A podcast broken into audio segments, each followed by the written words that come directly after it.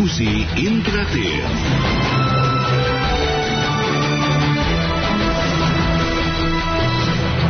Baik, kita lanjutkan lagi di sesi yang kedua ini dalam diskusi interaktif masih bersama dengan saya Indah Budiman dan sudah di ujung telepon sosiolog Unika Sugya Pranata Hermawan Pancasiwi. Selamat pagi Pak Hermawan, sehat? Ah, selamat pagi, sehat Pak Sudi. Selamat pagi pendengar. Ya, Alhamdulillah. Pak Hermawan, bagaimana pandangan Anda terhadap pejabat yang suka pamer harta, Pak? Ya, seperti kita sedang kebakaran jenggot ya ini para pejabat-pejabat ini. Eh, orang-orang yang yang di pemerintahan ini karena apa karena tiba-tiba ada peristiwa seperti itu kalau ditanya bagaimana pendapat saya ini uh, sebetulnya sesuatu yang sudah terjadi berkali-kali dan nampaknya kita terlambat menanganinya. Dan dan inilah ciri khas ma masyarakat kita sebetulnya ciri khas masyarakat kita.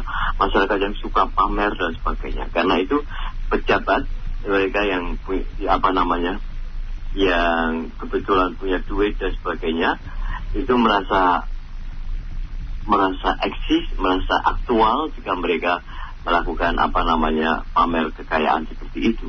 Dan sekarang mulai orang mulai mulai meributkan persoalan itu. Mengapa tidak kemarin-kemarin menurut saya gitu. Jadi pamer itu yang merupakan ciri khas bang, uh, masyarakat Indonesia Ya. Jadi wajar menurut Anda pejabat yang pamer sebagai bentuk eksistensi diri, Pak? Sebetulnya tidak hanya pejabat, tapi ini ciri khas masyarakat kita itu kalau kita mau jujur ya, kita mau jujur itu hampir semua masyarakat itu juga apa namanya dari tingkat bawah sampai sampai orang kaya itu selalu ingin melakukan ingin pamer, ingin supaya mereka nampak eksis dan aktual. Contoh konkret misalnya pada kalangan masyarakat bawah misalnya kalau kita lihat apa namanya uh, mereka suka selfie. Lalu mereka sebetulnya tidak perlu tidak sedang membutuhkan misalnya kredit mobil, kredit apa dan sebagainya begitu, tetapi mereka memaksakan diri untuk melakukan semua itu. Itu itu bukan kebutuhan primer, tapi mereka melakukan itu demi apa sebetulnya? Demi supaya supaya merasa bahwa dipandang seksual dan sebagainya. Dan inilah Mas Yudi sebetulnya salah satu satu dari beberapa sifat buruk masyarakat kita yaitu eksibisionistik itu. Artinya suka pamer itu. Ini masyarakat kita. Sebetulnya. Apalagi ketika apa namanya dia punya segalanya ya, seperti yang dialami para pejabat-pejabat itu. Ya ini apa namanya menurut saya sesuatu yang memang menjadi ciri khas bangsa kita, tetapi mas dan kita sama-sama sadar bahwa ketika ini terekspos seperti sekarang setelah kasus Rafael lalu di Jogja ada juga orang biar juga itu dan sebagainya lalu yang terjadi masyarakat mulai mulai kaget bahwa oh ternyata situasinya seperti ini. Dan lalu terus ribut. Dan ketika itu menyangkut ASN lalu kemudian orang dari komisi AS komisi apa komisi ASN mulai bicara lalu bicara tentang kode etik dalam setiap instansi dan sebagainya. Rasanya kok sudah terlambat apa namanya uh, kalau dikatakan terlambat gimana ya hmm. uh, sebetulnya itu sudah mestinya sudah dipikirkan dan juga di ditangani sejak dulu-dulu tapi sekarang baru terjadi setelah, khususnya setelah ada kasus Mario dengan David ini. Berarti uh, terkait dengan fenomena pamer kekayaan yang saat ini tengah viral, apa arti dari semua ini? Nah,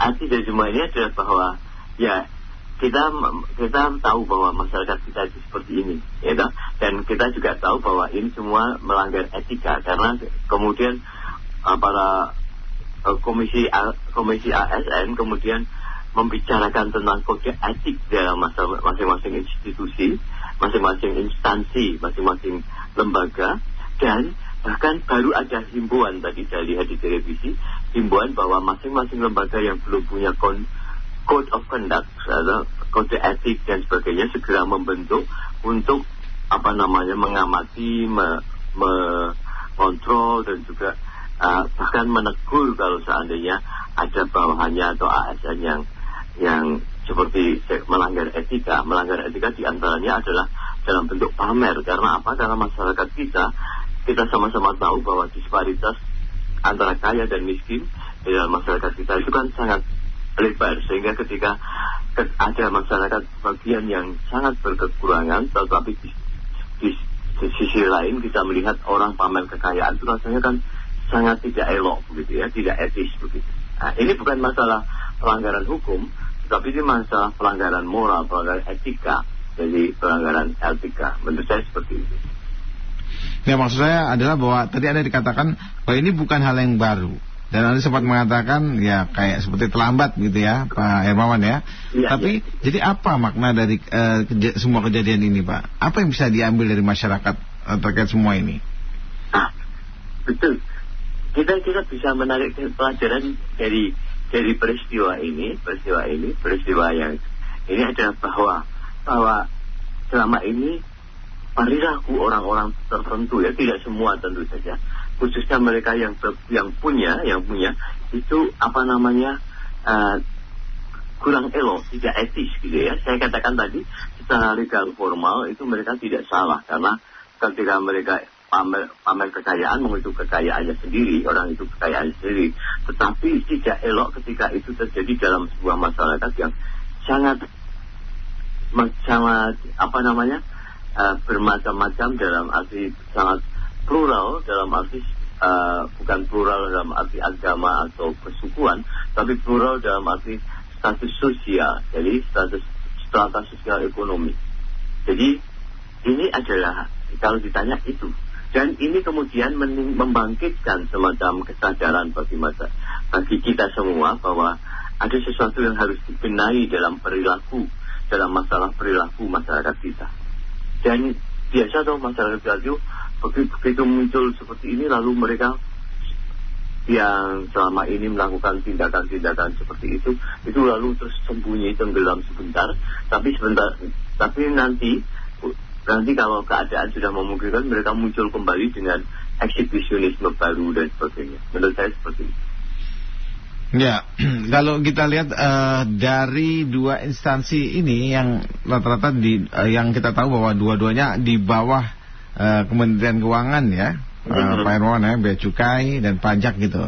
Dan ini dari dulu memang menjadi dua instansi yang menjadi apa ya sorotan pak. Karena uh, bisa dikatakan dalam tanda kutip mereka mempunyai posisi sultan ya, atau uh, gaya hidupnya memang dari dulu juga seperti itu nah apa yang bisa kita lihat dari sini pak sebenarnya dengan dua dua instansi ini dua instansi itu sebetulnya sih hanya kan anak-anak muda atau pemerintahnya kan pasti akan akan lebih memilih untuk bisa masuk ke sana dibandingkan ke instansi lainnya bukan begitu? Ya, pernah ada juga semacam survei atau penelitian dari fisik UI kalau hmm. tadi orang mengatakan bahwa dua dua lembaga itu dua lembaga itu menjadi sasaran atau keinginan banyak orang untuk untuk pergi ke sana artinya menjadi menjadi bekerja di sana. Karena apa? Karena dua dua instansi itu itu uh, sangat basah. Memang tidak hanya bukan dua-duanya. Dulu pernah kita pernah ada Pertamina segala ya, tetapi mm Pertamina tidak seperti dulu. Tapi sampai sekarang yang namanya dua instansi itu, itu memang menjadi incaran dari para pencari kerja. Mengapa? Karena sangat rasa dan satu fakta, fakta yang tidak bisa diingkari adalah bahwa manipulasi dan korupsi itu mudah sekali dilakukan di sana. Dan kita sudah pernah sudah punya punya pengalaman banyak itu pengalaman banyak tentang yang namanya pajak bea cukai kayu stambunan lalu terus apa namanya yang di Surabaya itu anak muda lalu macam-macam dan itu apa nah karena apa karena di dua lembaga itu yang namanya uh, manipulasi atau penip apa korupsi dan sebagainya itu sangat mudah dilakukan yang namanya penggelapan pajak lalu kong kali kong untuk menilai pajak, lalu mempermainkan pajak dan sebagainya. Bahkan kita di Indonesia ini, di Indonesia ini yang menarik adalah ada lembaga-lembaga profesional, lembaga-lembaga yang namanya konsultan pajak, ya konsultan pajak. Itu sesuatu yang sesuatu yang boleh-boleh saja dan biasa wajar. Tetapi kemudian pertanyaannya adalah apakah konsultan pajak ini uh, selalu berjalan lurus itu tergantung dari orangnya. Tetapi dengan konsultasi dan sebagainya itu maka sebetulnya pajak ini bisa kemudian menjadi bahan permainan, bahan manipulasi dan sebagainya.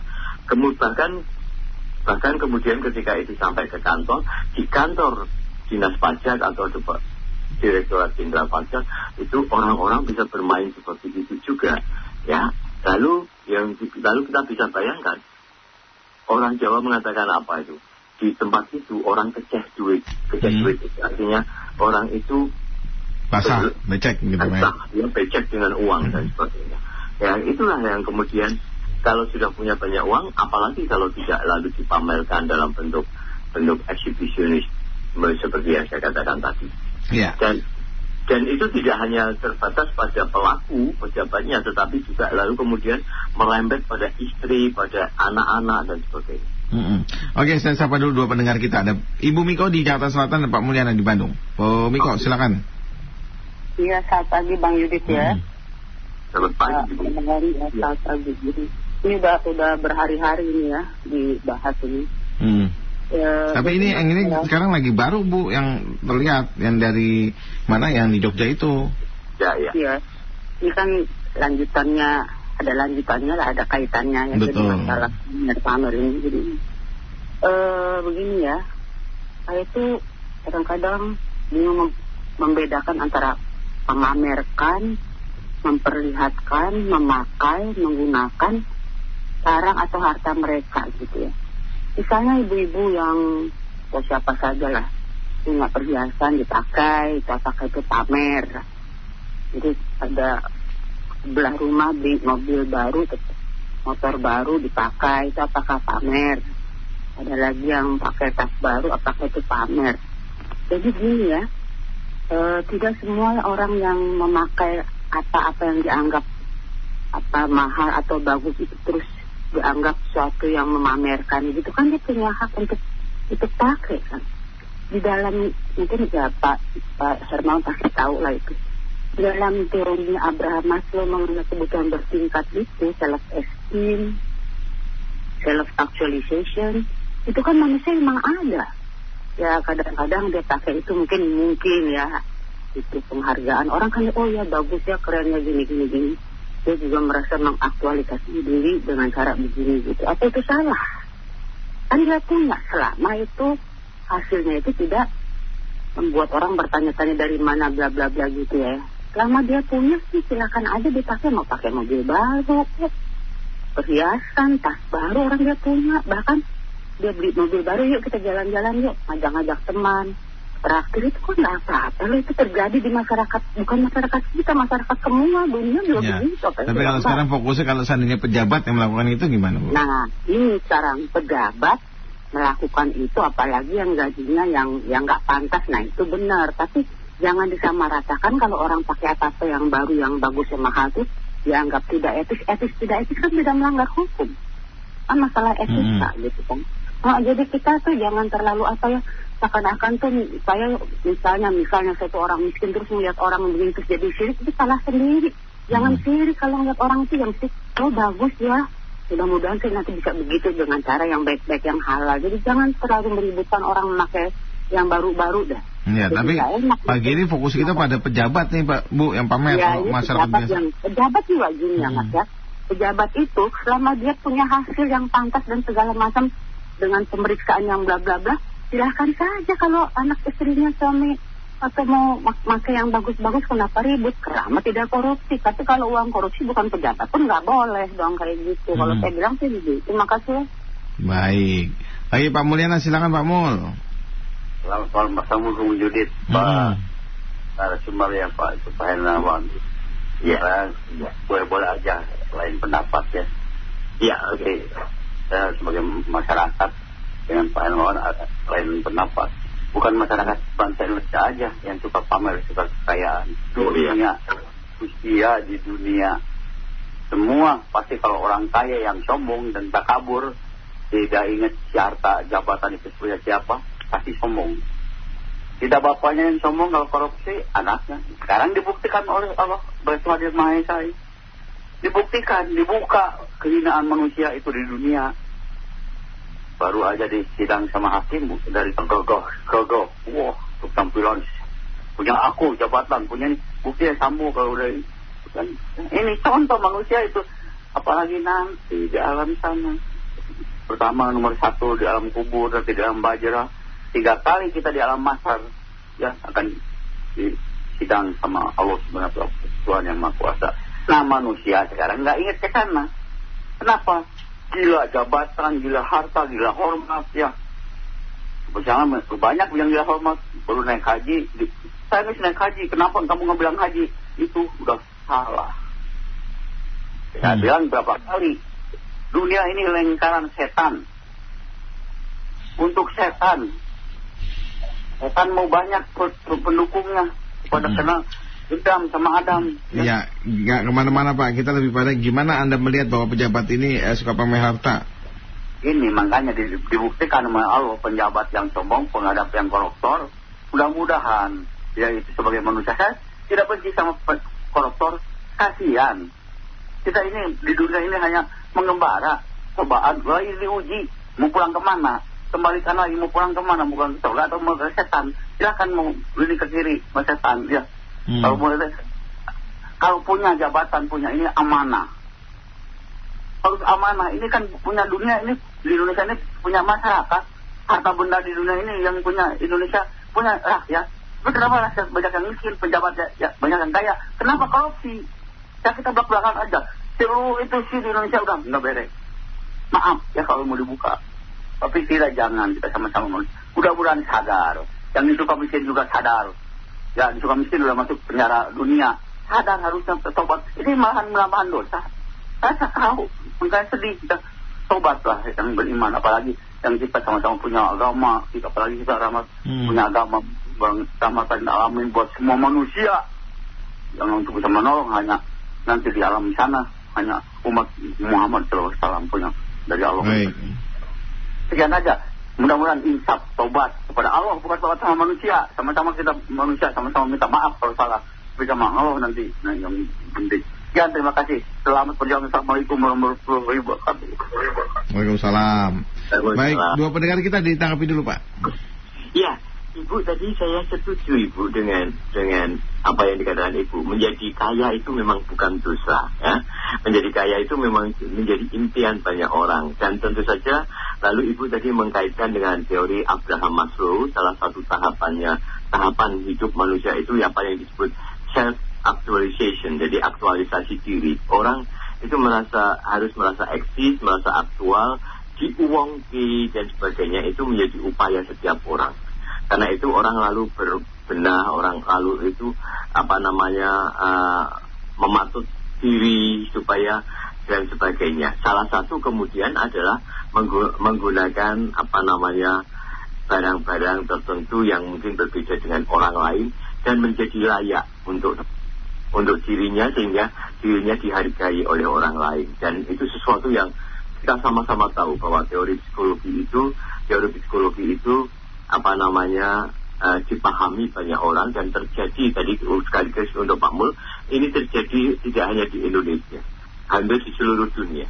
Tetapi persoalannya di Indonesia ini kadang-kadang kadang-kadang cara mereka berperilaku itu menjadi eksesif berlebihan berlebihan. Dan itu nampak sekali nampak sekali dalam dalam masyarakat kita. Dan repotnya lagi kadang-kadang mereka itu melakukan semua ini dengan modal dengan modal yang tidak wajar modal yang kadang-kadang bersifat manipulatif, menipu dan ini menjadi satu anekdot dan satu guyonan, satu candaan masyarakat bahwa banyak orang yang seperti itu. Contoh konkret misalnya dalam masyarakat bawah misalnya kita lihat bagaimana ada sekarang itu di media sosial ibu-ibu yang yang yang saling ribut mengenai bahwa aku mau telepon temanku bahwa bantuan sudah datang, bantuan sudah cair. Lalu dia berganti pakaian dari yang dari bagus menjadi buruk dan sebagainya supaya apa? Supaya nampak jelek. Tetapi nanti ketika dapat uang, dia akan tampil kembali menjadi dengan dengan pakaiannya yang bagus, dengan segala aksesorinya dan sebagainya. Ah, inilah memang kita semua. untuk menjadi kaya, menjadi apa, menggunakan pakaian, aksesoris, kalung dan sebagainya, membeli mobil dan sebagainya, tentu saja boleh ibu. Tetapi, tetapi yang menjadi persoalannya adalah ketika itu kita pakai secara berlebihan, kemudian dalam lingkungan yang menimbulkan menimbulkan orang ber, apa saling rasani, saling berbincang dan juga bahkan kadang-kadang menyakiti, menyinggung apa menimbulkan kecemburuan sosial dan sebagainya ini yang harus kita uh, kita pikirkan. Dan ini jujur saja dilakukan oleh apa namanya pejabat-pejabat itu baik itu pejabat itu sendiri maupun keluarganya. Dan karena apa? Karena ekosistem milieu lingkungan para pejabat itu bersifat kompetitif seperti itu, menciptakan suasana kompetisi kalau si A melakukan ini, si B apa namanya melakukan ini, mereka tidak mau kalah. Lalu mereka juga melakukan hal yang bahkan kalau bisa lebih. Satu contoh konkret kita lihat coba. Pernah kita itu disodori gambar-gambar yang bahkan oleh media, media masa mainstream foto-foto di gedung DPR. Bagaimana beberapa mobil mewah itu berjajar di sana. Dan disebutkan bahwa beberapa mobil mewah itu dimiliki oleh satu atau dua orang tertentu dari anggota DPR yang terpaksa dijejer di DPR karena ada masalah parkir di rumahnya dan sebagainya. Cuma itu menunjukkan apa namanya menyakiti hati rakyat sebetulnya. Mengapa? Mengapa? Karena sebetulnya mereka itu adalah orang-orang yang tadi dikatakan mestinya amanah membawa apa namanya aspirasi rakyat, tetapi ternyata mereka justru apa namanya menyakiti hati rakyat. Ini kenyataannya. Ini kan ironis kan. hmm. saya seperti itu. Ya, ada Pak Ukta di Jelengsi dan Pak Abdul di Bogor. Pak Ukta. Assalamualaikum Yudit. Waalaikumsalam. Assalamualaikum Pak Kemawan. Ah, iya, Selamat iya. pagi. Ini tema bikin panas saya, gitu loh. Hmm. Kenapa? Orang pamer harta, kekayaan tuh orang norak. Kalau saya bilang orang norak, orang kaya baru norak. Kalau saya bilang, kalau teman bilang tuh orang norak itu. Orang kaya sejati lihat tuh banyak yang kaya-kaya enggak. Kayak Bob contoh sederhana almarhum Bob Sadino. Biasa aja. Itu orang hebat, kaya sejati. Jadi saya bilang gini, itulah bukti mereka itu nggak bakalan mengabdi kepada rakyat. Tujuan mereka kaya apa? Untuk pamer, bukan untuk mengabdi. Kalau untuk mengabdi, kalau contoh sederhana ya, kita contoh sederhana aja lah. Ya, dulu ya, Umar bin Khattab tidurnya di bawah pohon korma, pemimpin besar di dunia.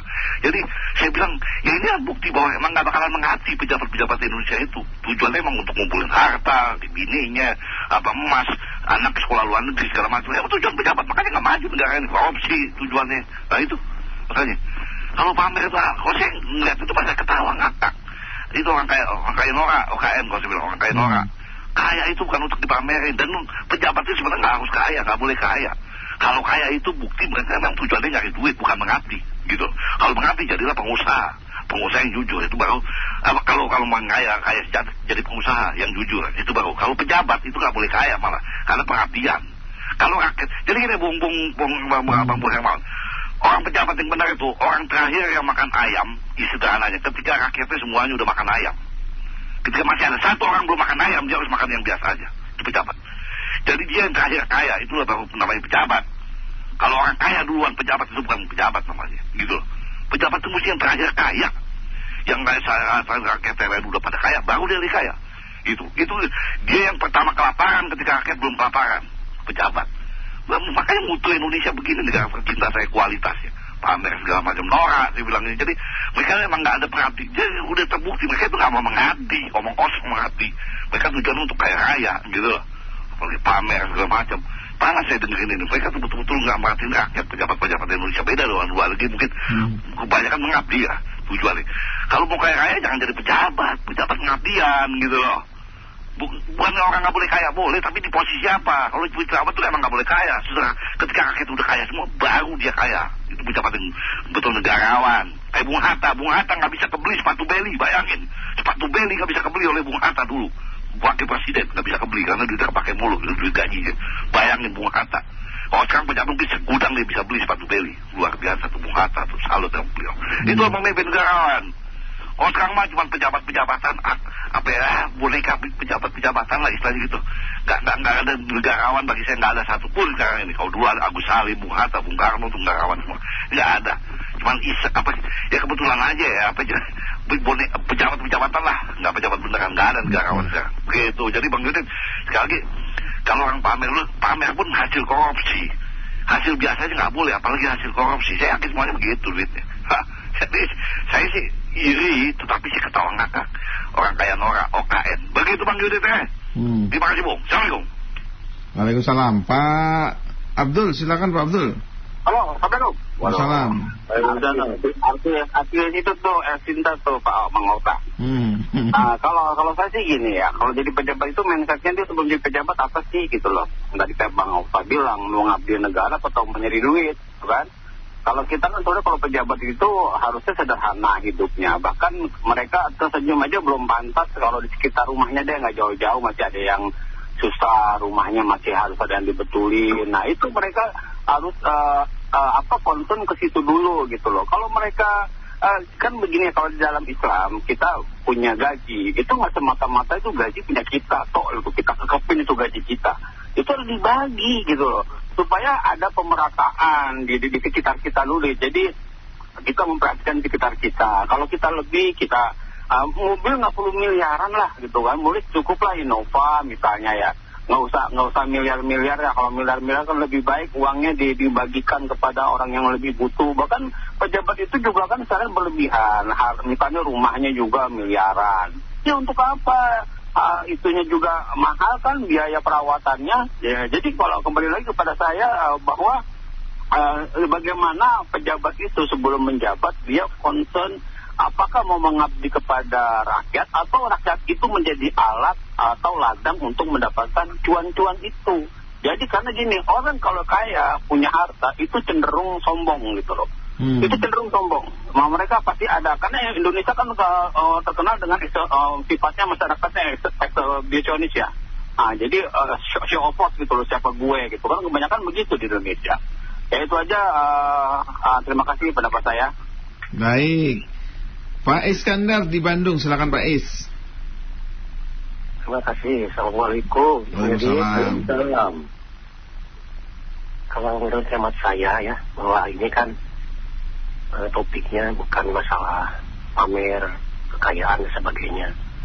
Bahwa kekayaan, apa, pamer apa, kekayaan itu Hmm. adalah isu itu merupakan tanda syukur juga ya kalau kita melihatnya secara positif thinking dan orang kaya itu justru dia akan bisa berbakti atau me- apa me- beribadah kepada yang kekurangan gitu kan. Hmm.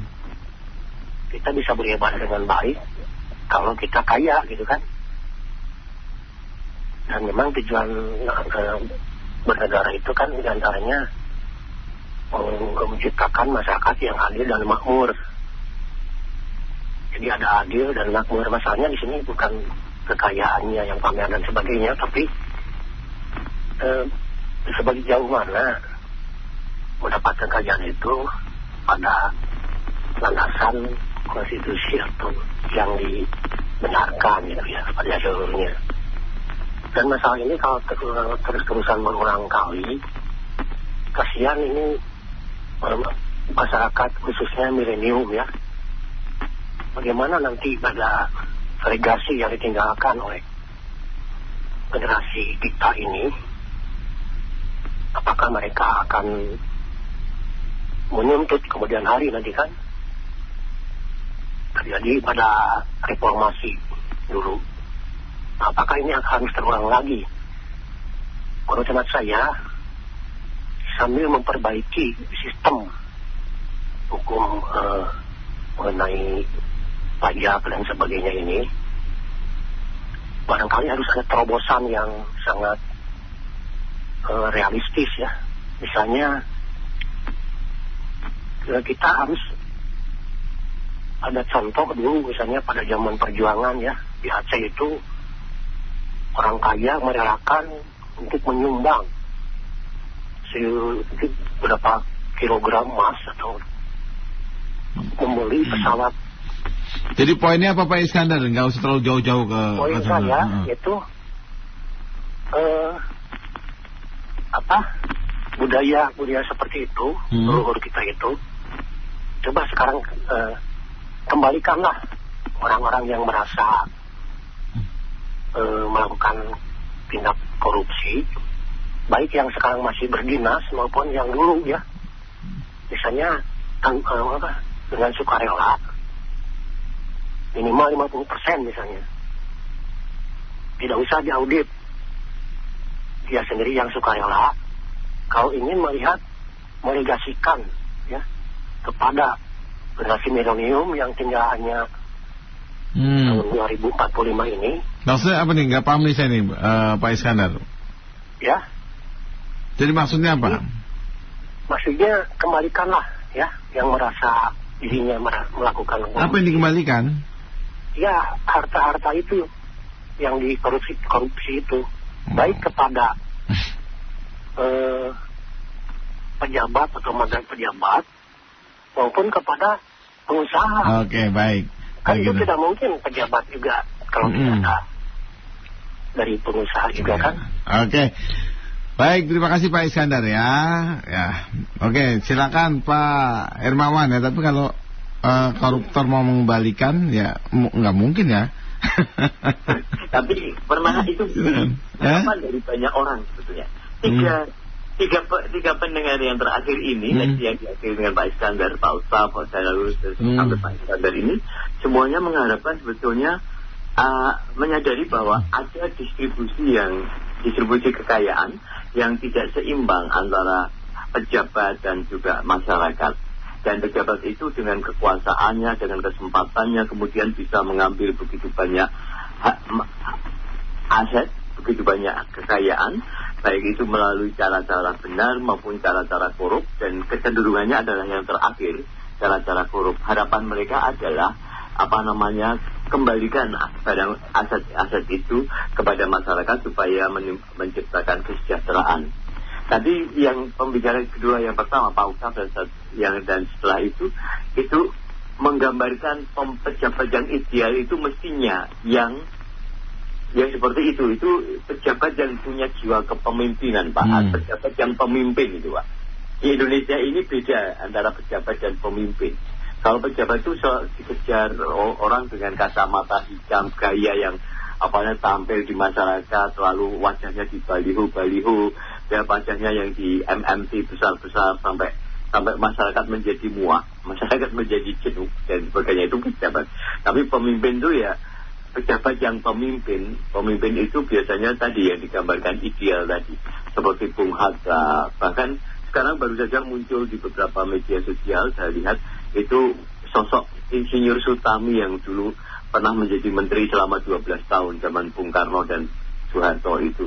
Dan itu betul-betul orang-orang sederhana orang-orang sederhana dan para pejabat yang sungguh berjiwa pemimpin menjadi teladan masyarakat tapi sekarang ini kita krisis kepemimpinan itu mas. Betul. Krisis kepemimpinan itu. Para pejabat itu betul-betul ada dalam suasana ekosistem milieu atau lingkungan yang saling berkompetisi. Akibatnya apa? Akibatnya mereka lalu dengan segala cara mendap mendapat men- berusaha mendapatkan fasilitas supaya tidak kalah dengan pejabat yang lain dengan orang-orang yang lain lalu ya terjadi ya kita sama-sama tahu apa namanya uh, penggelapan sana sini, korupsi sana sini dan sebagainya. Bahkan anggota DPR itu uang aspirasi rakyat yang begitu besar itu kadang-kadang ditilep hanya untuk kepentingan pribadi membeli mobil-mobil mewah. Kita harus jujur. Ya, oh, setiap anggota DPR itu kan punya uang aspirasi, artinya dan juga apa namanya menampung aspirasi rakyat dan itu ada duit duitnya dan itu gede. Tapi ke mana sebetulnya lari itu? Apakah mereka betul-betul aktif di rumah-rumah aspirasi? Saya nggak yakin. Dan itu satu contoh. Nah, satu contoh yang konkret juga. Dan sekarang sedang ribut adalah orang-orang dari Departemen Keuangan. Dan ini menjadi ribut, menjadi ribut berpanjang-panjang karena apa? Karena menterinya sendiri sedang rame. Menterinya sendiri kemudian tiba-tiba seperti kebakaran jenggot. Eh, maaf. Bu Sri Mulyani nggak punya jenggot ya. Tuh. apa namanya? Lalu jadi ribut sampai mau mau di kelompok Mogi itu apa namanya itu Motor besar, motor gede. Hmm. Iya itu itu mo- motor gede itu dan hmm. sebagainya. Yang saya menjadi pertanyaan saya, loh Ibu Sri Mulyani ini kan mantan akademisi ya, artinya sekarang pun masih akademisi tentu saja.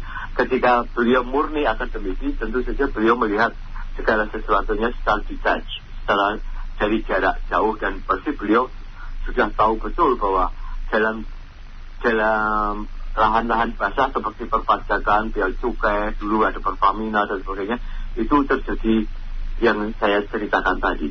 Bukan hanya apa namanya orang kerja duit, adanya apa banjir uang, tetapi juga tetapi juga terjadi kompetisi yang kemudian menimbulkan perilaku seperti itu.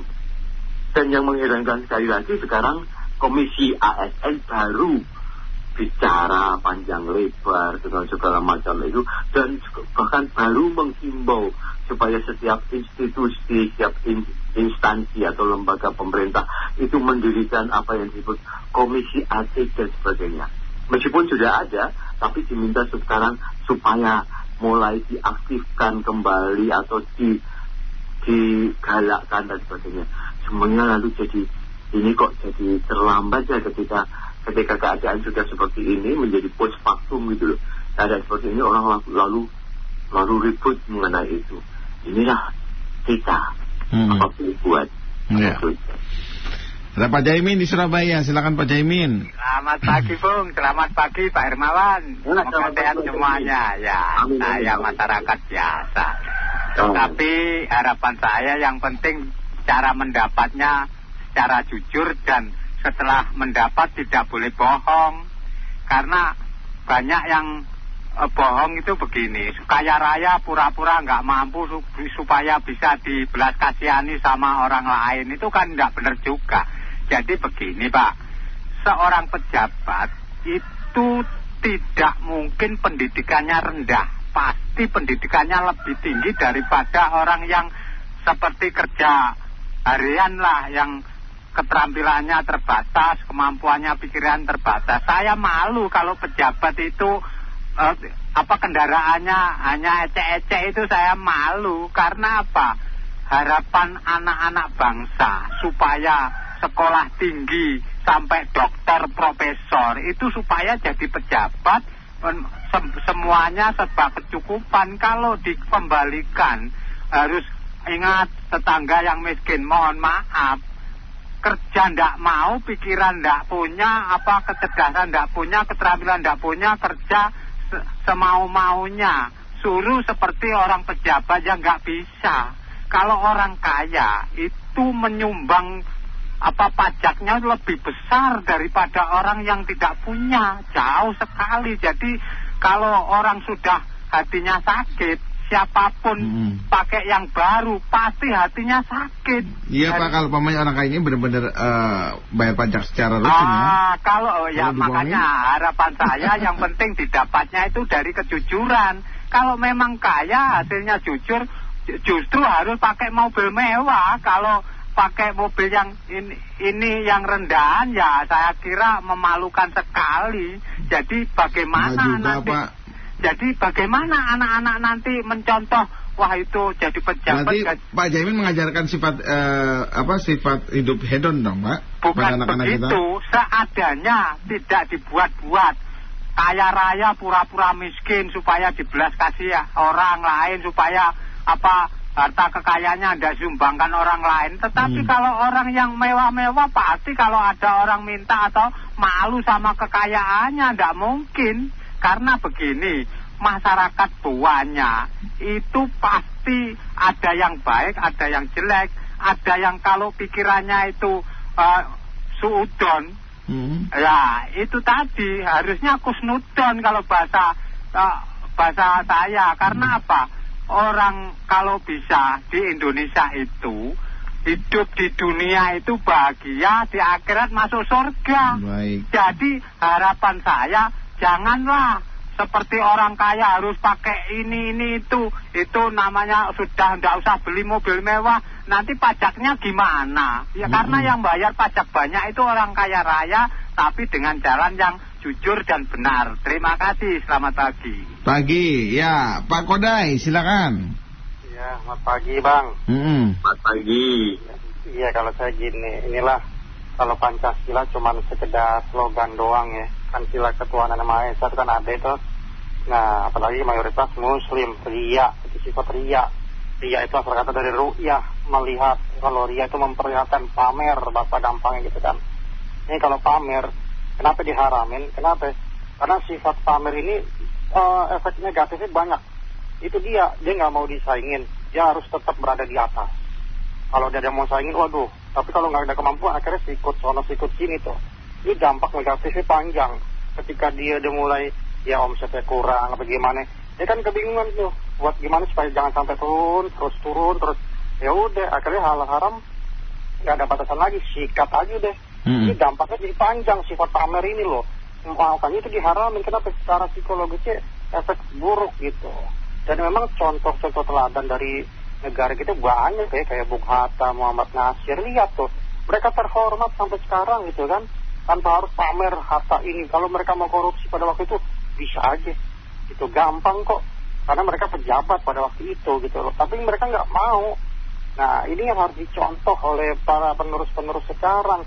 Memang saya tetap harus ya undang-undang pembuktian terbalik itu harus. Kalau enggak ya elah cuman LHKPN buat apa sih? Bubar ngaji nggak ada perlunya orang di formalitas doang kok.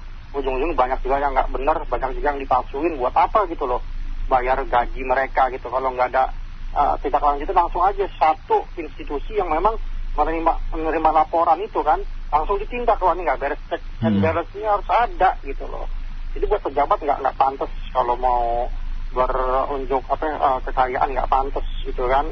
Ya kalau dari agama mah banyak itu kayak Utsman bin Affan orang kaya ketika dia jadi khalifah dia nggak menunjukkan kekayaannya kok gitu. Tapi sumbangan dia ke mana-mana besar gitu Nabi Muhammad sendiri Ya hidupnya sederhana, tapi ketika dia menyumbang, berkurban 100 ekor unta dia sumbang gitu kan. Ya itu dia, harusnya seperti itu. Bukan nggak boleh kayak boleh, cuman kalau pamer yang nggak boleh.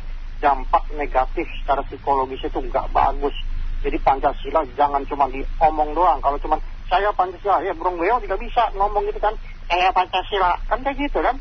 Baik. Nah, itulah saya, saya, saya mudah-mudahan leh, uh, ini netizen nih harus masyarakat nih kalau ada pejabat-pejabat yang aneh-aneh gajinya berapa tunjangannya berapa tapi kekayaan kok lebih harusnya memang ini hakim informal harus zaman sekarang harus ada hakim informal gitu bang. Terima kasih selamat pagi. Ya silakan ditanggapi. Pak Hermawan. Kita sama-sama sepakat ya bahwa kaya itu bukan dosa ya. Menjadi menjadi kaya itu baik-baik sah-sah saja apalagi dalam negara kapitalistik seperti Indonesia. Kalau ada yang mengatakan Indonesia bukan negara kapitalistik itu mereka terlalu apa namanya tidak realistis, ya, menutup mata. Dan, dan persoalannya adalah ini khusus untuk Pak Jaimin. Kalau orang kemudian apa namanya bebas melakukan seperti itu meskipun dengan cara lurus ya cara lurus artinya dan supaya masyarakat ini akan terkotak-kotak pak akan tersegmentasi istilahnya ada kelompok-kelompok kaya dengan gaya hidupnya, kelompok miskin. Dan itu sebetulnya sudah nampak dalam masyarakat kita. Ya, dan termasuk juga di situ adalah kompleks pejabat, lalu juga gaya hidup pejabat dan sebagainya. Lihat saja perumahan. Perumahan itu, ya perumahan itu sekarang orang berlomba-lomba tidak tidak membangun rumah sederhana seperti dulu. Tetapi para pengembang, developer itu sekarang tidak hanya sekedar real estate, tapi sudah mulai menjadi cluster-cluster. Dan kita sama-sama mau cluster itu akan di dikelilingi tembok lalu dijaga oleh satpam ya, dengan peraturan bahwa di dalam di dalam cluster itu mestinya tidak boleh ada pagar mestinya karena semuanya sudah ditanggung aman dan di situ tidak ada orang miskin dan sebagainya. Akibatnya apa?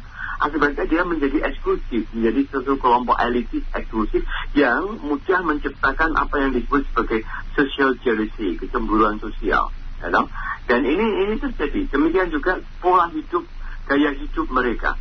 Dan pejabat-pejabat negara itu biasanya karena bersifat kompetitif, karena milieu atau lingkungannya itu menantang mereka untuk saling berkompetisi dan sebagainya, tadi dikatakan apa namanya kalau bisa memenuhi dengan uangnya mereka akan lakukan. Tapi kalau uangnya tidak cukup dan sebagainya mereka akan sikut kanan sikut kiri dan sebagainya. Lalu akibatnya ketidakjujuran akan muncul di mana-mana. Korupsi muncul di mana-mana. Sementara kita sama-sama tahu korupsi di Indonesia ini apa namanya hanya uh, bahkan KPK sekalipun itu itu terus terang yang, di, yang ditangkap itu hanya hanya apa namanya ikan-ikan kecil gitu yang gede-gede itu kemudian KPK tidak berani tidak berani melakukan itu atau apa namanya enggan melakukan itu. Nah seperti ini. Jadi masyarakat ini selama ini ini dibuat dalam tanda petik bukan cemburu tapi sakit hati melihat ke keadaan seperti ini. Ini barangkali baik jika kemudian disadari oleh oleh para para pemimpin dari masing-masing instansi itu. Jadi apa yang dilakukan oleh Bu Sri Mulyani itu meskipun menurut saya agak terlambat, itu baik juga dilakukan oleh para pemimpin atau para pimpinan instansi-instansi lain. Supaya mereka tidak hanya menegur, tidak hanya menegur, tapi memberi sanksi kepada bawahannya yang terlalu eksibisionistik itu. Menurut saya seperti itu. Ya, tapi jadi kembali lagi Pak soal kepatutan. Jadi patutkah pejabat negara itu pamer harta menurut Anda? Dalam keadaan seperti ini di Indonesia yang disparitas antara kaya dan miskin masih sangat lebar, itu janganlah, jangan betul. Karena itu sebetulnya pemerintah harapan saya dalam hal ini Kementerian Perdagangan dan sebagainya itu juga membatasi mau jenis-jenis mobil, jenis-jenis barang yang masuk ke Indonesia yang branded-branded itu supaya tidak menjadi ajang pamer dan juga ajang kompetisi dari para pemilik uang itu. Terus terang, terus terang itu. Tadi Pak Jamin mengatakan apa namanya pajak mereka membayar pajak lebih mahal dan sebagainya. Iya, tetapi jujur saja pajak progresif di, yang katanya diterapkan di Indonesia itu juga juga masih setengah hati masih setengah hati akibatnya apa satu keluarga bisa punya sekian banyak mobil mewah dan sebagainya seperti di Jogja itu ya juga dia di garasinya ada sembilan mobil kuno tapi mobil kuno yang harganya mahal-mahal dan sebagainya itu kalau mereka mereka konsisten itu harus diberi pajak progresif jadi eh, mobil kedua, ketiga dan sebagainya itu bukan hanya jumlah pajaknya yang besar, tapi prosentasenya harus lebih besar dari dari yang pertama dan sebagainya. Tapi ini tidak dilakukan secara konsisten. Apalagi mereka orang-orang pajak yang mungkin, sangat mungkin bisa melakukan manipulasi pajak itu. Yaitu manipulasi pajak. Jadi kalau ditanya Mas Yudi, apakah wajar? Ya, ya jangan, ya tidak wajar menurut saya. Harus tenggang rasa. Tepos saliro orang Jawa bilang itu. Bahwa di sekitar mereka itu ada ada orang-orang yang berkekurangan dan sebagainya. Seringkali kita melihat foto yang sangat ironis di Indonesia ini. Di jalan raya ada mobil Alphard beberapa, lalu di sebelahnya ada Pak Pak Supro yang menarik sampah, menarik gerobak sampah, gerobak uh, yang menjadi pemulung dan sebagainya. Dan itu bisa terjadi di kota yang sama, mereka punya bendera yang sama merah putih, mereka juga punya presiden yang sama, dan sebagainya. Tetapi tetapi mereka merasa ada dalam dunia yang sangat berbeda. Dan ini dan ini ironis kan sebetulnya. Ya, kita tidak ingin sama rata sama rasa seperti yang dirasakan negara-negara satu satu partai itu. Tidak ingin. Tetapi ya kita mestinya tahu diri supaya kita tidak menyinggung dan menyakiti perasaan orang lain, lebih-lebih masyarakat bawah. Jadi jadi kita perlu kepemimpinan, keteladanan dari para pejabat itu. Menurut saya seperti itu. Baik. Baik sebagai penutupnya dengan fenomena kejadian pejabat negara itu pamer harta nih. Ini bagaimana e, kita harus mencermati hal ini? Apakah wajar hal itu dilakukan oleh mereka para pejabat negara ini yang yang notabene mereka itu dibayar dari uang rakyat, dari pajak rakyat. Silakan sebagai penutupnya Pak. Pasti tidak wajar. Kita sama-sama tahu tadi sudah saya katakan. Tapi sesuatu yang bisa boleh boleh menjadi harapan masyarakat. Ketika ini dibicarakan di banyak media sosial, media mainstream, baik itu radio, lalu apa televisi dan juga koran-koran. Dan sekarang pemerintah atau negara sudah mulai mulai pang, apa namanya menyadari itu meskipun dengan rasa malu dalam tanda petik ya mereka lalu kemudian membicarakan tentang perlunya kode etik, code of conduct di masing-masing instansi, lalu juga komisi ASN itu juga sudah mulai bicara dan sebagainya. Semoga apa yang terjadi ini, yang terjadi ini kemudian tidak hanya bersifat hangat-hangat tayayam, Artinya ketika ini sudah dibicarakan ramai masyarakat mereka lalu mereka lalu terbangun dari tidur lalu gagap-gagap begitu tetapi mereka sungguh setelah ini melakukan tindakan-tindakan jelas. Tindakan-tindakan jelas termasuk memberi sanksi kepada mereka yang melakukan tindakan eksibisionistik itu memang ini perlu ada pengkajian bahwa apakah itu eksibisionisme atau bukan itu perlu pengkajian karena batas-batasnya kan mesti sangat relatif gitu. Dan pada antara menggunakan atau memanfaatkan kekayaan saya sendiri dan sebagainya atau bersifat eksesif atau tidak itu sesuatu yang yang yang bisa bisa personal bisa pribadi bisa juga dasarnya adalah iri sentimental sentimen sentimen dan sebagainya maka perlu ada perlu ada mekanisme bagaimana. Tapi yang jelas apa yang tadi saya dengarkan dari televisi apa yang dikatakan oleh wakil KASN ya KASN itu Pak Dendi atau siapa namanya itu itu jangan hanya berhenti di omongan. Tetapi apa namanya segeralah minta supaya benar-benar setiap instansi itu apa namanya membentuk komisi etik yang sungguh bekerja. Dan syukur-syukur kalau misalnya kemudian ada semacam edukasi Pak ASN, Pak pejabat yang memberikan apa penanaman nilai-nilai solidaritas, nilai-nilai kesetiakawanan, nilai-nilai topo saliro, nilai-nilai tenggang rasa, supaya mereka itu dalam berperilaku itu tahu lingkungan seluruh, bukan lingkungan mereka, kalau lingkungan mereka lingkungan orang-orang elitis, tapi lingkungan seluruh yang mereka seluruh masyarakat yang mereka hadapi dan hidupi setiap hari. Seperti itu Mas Yudit menurut saya. Baik. Terima kasih sudah bersama dengan kami di kesempatan pagi hari ini Pak Hermawan. Selamat pagi Pak Hermawan. Sama-sama. Baik tadi kita bersama dengan sosiolog Unika Sugia Pranata Hermawan Pancasiwi. Terima kasih atas komentar-komentar Anda. Setelah ini kita lanjutkan lagi dari komisi Anda, komentar opini dan solusi dari Anda.